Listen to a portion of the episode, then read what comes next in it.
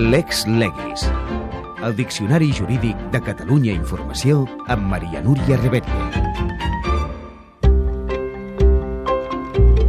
Taula de participació social. Què és? Respon Núria Fabra, que és la seva coordinadora. És un òrgan consultiu del Departament de Justícia. Això vol dir que és un espai que convoca el Departament de Justícia, les entitats col·laboradores i de voluntariat, que són totes les entitats socials, culturals, esportives, que porten a terme activitats en col·laboració amb el Departament de Justícia, tant a la justícia juvenil com a mesures penals alternatives, com amb serveis penitenciaris. Quina feina fa?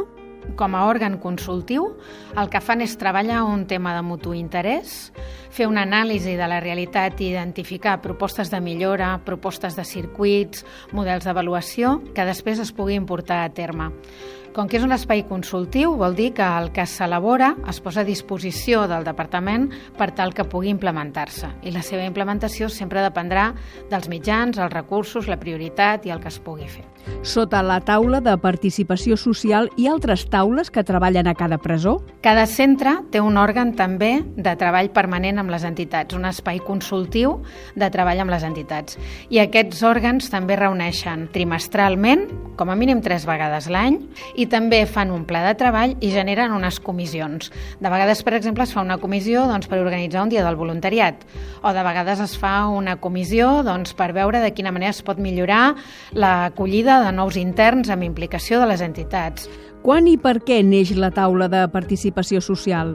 Sorgeix a partir d'una demanda de les entitats de voluntariat que reunien anualment amb el Departament de Justícia per treballar temes de la seva col·laboració i dels programes de voluntariat i es considerava que una trobada anual era insuficient. I a l'any 2003 es va recollir aquesta sensibilitat i es va acordar posar en marxa aquest òrgan consultiu, que es va començar a funcionar de forma estable l'any 2004 i es va regular després posteriorment a l'any 2009 posant en marxa el que serien les taules de segon nivell o de centres penitenciaris. Com funciona? Hi ha un òrgan de primer nivell, que és l'òrgan general, on estan representades totes les entitats i la direcció de, dels serveis penitenciaris i de justícia juvenil i MPA, i és el que realitza el pla de treball general i el que porta a terme projectes d'innovació, dels que llavors es generen grups de treball que els desenvolupen.